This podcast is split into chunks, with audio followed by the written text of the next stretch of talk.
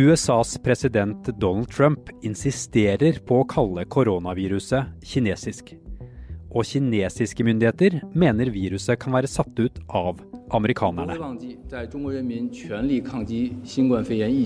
Mens verden er i krise, så krangler lederne om hvem som har skylden for koronapandemien. Dette er forklart fra Aftenposten. Jeg heter Andreas Bakke Foss, og i dag er det onsdag 25. mars.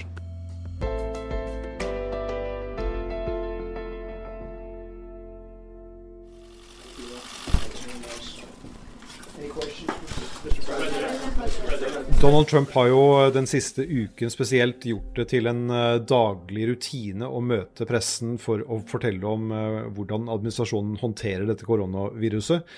Og så vet vi fra tidligere at han, eh, han liker stor skrift når han skal lese fra, fra manus, og det, det, var også tilfellet denne gangen.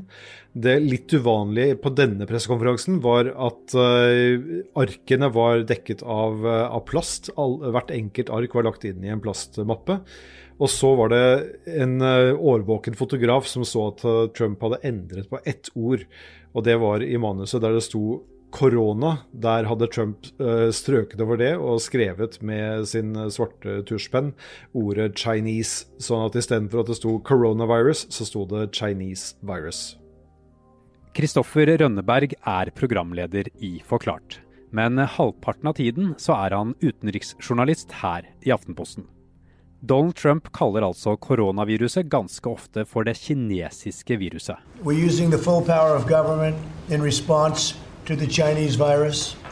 I declared a state of national emergency that will make up to $50 billion in disaster relief funds available.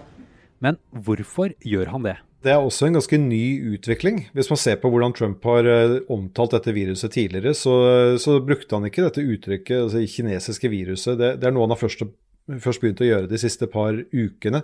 Jeg tror det henger sammen med at uh, man har begynt å forstå at uh, hele den amerikanske administrasjonen uh, misforstår litt alvoret i dette utbruddet og hvor stort det kom til å bli. Og med den misforståelsen så følger det selvfølgelig også kritikk. Så Trump ser nå at det er mange som kritiserer ham og administrasjonen hans for måten de har håndtert utbruddet på, og da er det greit å ha noen å skylde på. Jeg tror, eh, jeg tror det rett og slett er, eh, er, svaret, at Trump vil gi skylden til kineserne, sånn at han slipper å ta den selv. It's not racist at all, no, not at all. It comes. Trump har eh, lenge hatt et ønske om å samarbeide tett med Kinas eh, store leder Xi Jinping. Så han har faktisk gitt, eh, gitt kineserne ros for måten de håndterte det på. I, i februar så, så skrev han på Twitter at Kina hadde håndtert dette på en veldig fin måte. Eh, det henger nok sammen med at Trump eh, inntil ganske nylig ønsket å få til en handelsavtale med Kina, og da spesielt eh, noe han kunne få til direkte med Xi Jinping. I spoke to President Xi the other day. He is so committed to solving that problem. He is, he is working very hard. Nå som den, den, handelsavtalen er lagt langt i bakgrunnen, så, så ser vi også en endring i måten Trump oppfører seg på. Ja, hvorfor har han endret denne retorikken nå? Jeg tror uh, rett og slett at uh, Trump uh, trenger å redde sitt eget skinn. Han tok ikke dette viruset seriøst veldig lenge. Han skrev at dette var noe som kom til å gå over fort ved et mirakel, som han skrev på, på, Twitter. Så har man jo sett at det ikke har gjort det, og at USA er et av de landene som nå ser ut til å bli rammet hardest av denne krisen. Og dermed så endrer også retorikken seg fra, fra Trumps side. Hva vinner han eh, ved å legge skylden for eh, dette viruset på Kina? Han får i hvert fall eh, sørget for å samle troppene rundt noe annet enn hvordan han og administrasjonen hans har håndtert krisen. Ved å peke på Kina som Det er jo helt riktig at det var i Kina at utbruddet begynte. De første tilfellene er registrert så langt tilbake som i november. Og det er masse å kritisere kineserne for, og det, det er akkurat det Trump nå utnytter. Selv om, selv om det det å skylde på kineseren selvfølgelig ikke betyr at eh, han, eh, han, kan slippe å ta ansvar for måten han selv har håndtert situasjonen på. Vi er straks tilbake.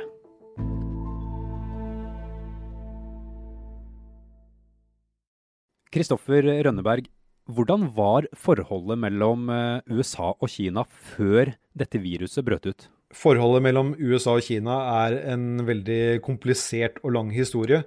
Eh, vi har sett hvordan Kina de siste tiårene har bygget seg opp til å bli en betydelig stormakt og verdens nest største økonomi. Det har jo skapt en del uro i USA, og, og denne uroen den, den, så vi lenge før Trump tok over som president. Men den ble veldig mye synligere etter at Trump flyttet inn i Det hvite hus. Og da så vi også mye mer konfrontasjon mellom USA og Kina. Det utviklet seg til å bli en handelskrig og, og nye tollbarrierer på begge sider. Og så har man da forsøkt å fremforhandle en ny handelsavtale mellom USA og Kina. Så det har vært veldig, veldig ustabilt, dette forholdet. Og de var langt fra hverandre da, da denne viruskrisen oppsto. I midten av desember begynte leger i byen Wuhan å bli bekymret. Flere og flere i byen ble syke med lungebetennelse, og de oppdaget et virus som lignet på det de hadde sett fra SARS-epidemien i 2003. Tidlig i januar i år opplyste kinesiske myndigheter at det var et nytt koronavirus som var årsaken til sykdommen. Siden det ble konstatert, har ting skjedd fort. Wuhan opplevde sitt første dødsfall 11.1. I underkant av to uker senere hadde viruset spredt seg til flere deler av Asia og USA. Og i slutten av februar var også Europa rammet. Kina er jo en autoritær stat med en sterk sentralmakt som gjerne vil bestemme hvordan alt skal gjøres. Så da rapportene kom om et nytt uh, virusutbrudd i Wuhan, som ligger i det sentrale Kina, så skjedde det som ofte skjer i denne typen uh, regimer, at uh, det måtte bli gitt beskjed til hovedstaden, til Beijing. Og der måtte man sitte lenge og diskutere hvordan man kunne håndtere dette uten at det ville få store politiske konsekvenser. Og denne prosessen tok fryktelig lang tid. Som sagt så var det første utbruddet allerede i, i, november. Det var ikke før 23.1, altså over to måneder senere, at, uh, at, man trykket på den store alarmklokken i Beijing og bestemte seg for å stenge ned Wuhan. Og innen den tid så hadde viruset spredt seg til store deler av Kina, og senere også til hele verden. Den 11. mars erklærte Verdens helseorganisasjon, WHO, utbruddet som en global We have therefore made the assessment that COVID-19 can be siden 23.1 har Wuhan vært avstengt. Men de siste dagene har det vært få eller ingen nye smittede, og snart skal friske innbyggere få lov til å reise ut av byen. Hvis man skal tro tallene fra kinesiske myndigheter, og de skal man alltid ta med en klype salt, så er virusutbruddet i Kina under kontroll. I Wuhan så har de nå begynt å åpne veier og, og innfartsårer igjen, og livet kan vende tilbake til det normale. Jeg så bilder fra Beijing på mandag hvor det var trafikkork for første gang på to måneder. Så det vitner om en, en, stor tillit til at dette virusutbruddet nå er under kontroll, og at de skal fortsette å, å klare å, å, ha det under kontroll.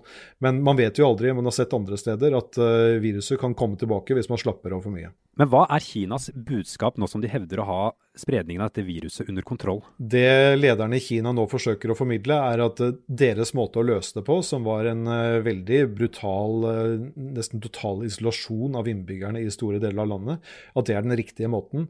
Og I tillegg så har jo de nå hodet over vannet, mens eh, store deler av resten av verden fortsatt driver og kaver og lurer på hva man skal gjøre.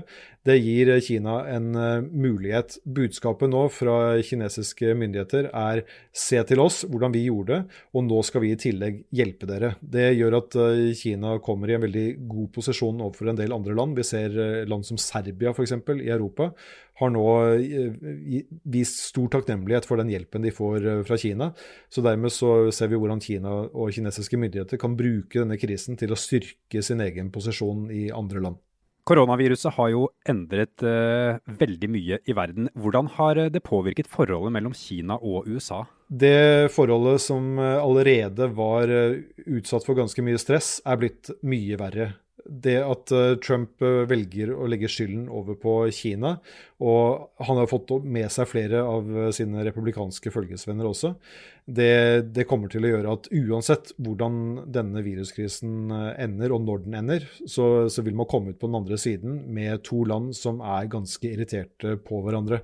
USA er sinte på Kina pga. måten Kina håndterte krisen på til å begynne med. I Kina er det mange som er rasende over måten Trump omtaler dette viruset som et kinesisk virus på. Vi ser jo også at det er eh, folk av asiatisk opphav i USA som er blitt utsatt for eh, både sjikane og hets fordi de bare ser asiatiske ut. Sannsynligvis har det en sammenheng med denne ordbruken å gjøre. Så jeg tror så fort krisen er over, så kommer vi til å se en, en ganske amper stemning mellom Kina og, og USA. Men hvor er det kinesiske myndigheter mener dette viruset kommer fra, hvis det ikke kommer fra Kina?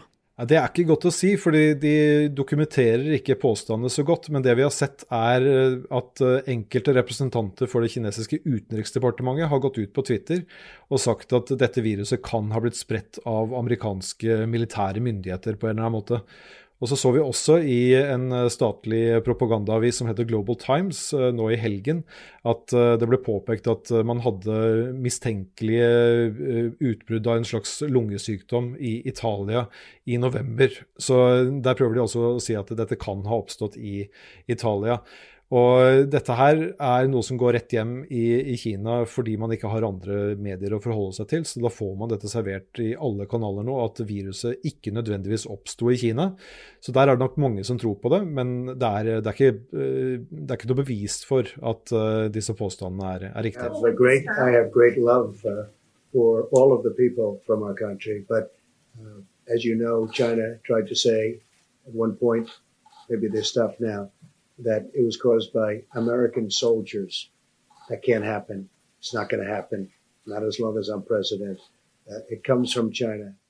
Men det at Kina og USA nå forsøker å legge skylden på hverandre, hva betyr det for resten av verden? Det er eh, det motsatte av hva verden trenger nå. Nå er vi i en veldig ustabil fase med mye usikkerhet, mye frykt. Eh, vi vet ikke hvordan verden kommer til å se ut i morgen. Det man trenger da, det er jo stabil ledelse og trygghet og en tro på at uh, de mektigste lederne i verden uh, har prioriteringene i, i, riktig orden. Når vi nå ser hvordan både kinesiske og amerikanske myndigheter bruker mye tid på å skylde på hverandre og kjefte på hverandre, så skaper det støy, som igjen da skaper usikkerhet og, og frykt også i resten av verden. Helt siden andre verdenskrig har USA hatt en lederrolle i globale kriser. Det har de hatt ved å betale mest til internasjonale organisasjoner som f.eks. FN eller WHO, eller ved å drive frem og håndheve internasjonale regler. På den måten har de befestet sin posisjon som en global supermakt gang på gang. Men president Donald Trump har valgt en annen strategi enn sine forgjengere. Tidligere så har eh, USA vært veldig opptatt av å vise at de er store og mektige. Så hvis man tar tsunamien f.eks., eller eh, finanskrisen eh, i henholdsvis 2004 og 2008, så var USA veldig raskt frampå med å hjelpe andre land, slik at det også på sikt da ville hjelpe USA i, i det lange løp. Nå har eh, USA fått en president som er veldig opptatt av at USA skal kjøre sitt eget løp, og at andre land kan kjøre sine egne løp. Og da eh, oppleves det på mange måter som at USA vender ryggen til resten av verden. Eh, når da kinesiske myndigheter samtidig er veldig tydelige på at de ønsker å hjelpe til i denne krisen med, overfor land som sliter, så, så, gjør det at vi har kommet inn i en helt ny situasjon eh, sammenlignet med hvor vi var for bare, bare ti år siden. Ja, Hva kan dette bety for eh, maktbalansen eh, mellom ulike land i verden på lang sikt? Det kan faktisk bety ganske mye, fordi her snakker vi om to land med veldig forskjellige styresett. Man kan si hva man vil om USA og måten de har utøvd sitt eh, hegemoni på de siste 50 årene, men USA er i det minste et demokrati, og menneskene som lever i demokratiske land, har i stor grad ytringsfrihet.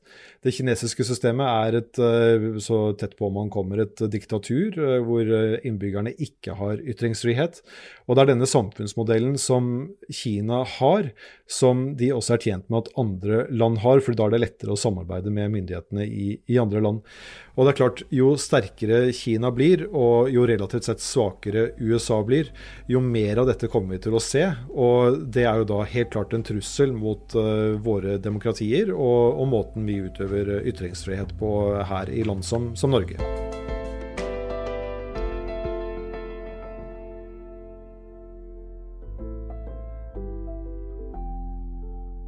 Forklart lages av Caroline Fossland, Anne Lindholm, Fride Næss Nonstad, Kristoffer Rønneberg og meg, Andreas Bakke Foss. I denne episoden har du hørt lyd fra nyhetsbyrået AP.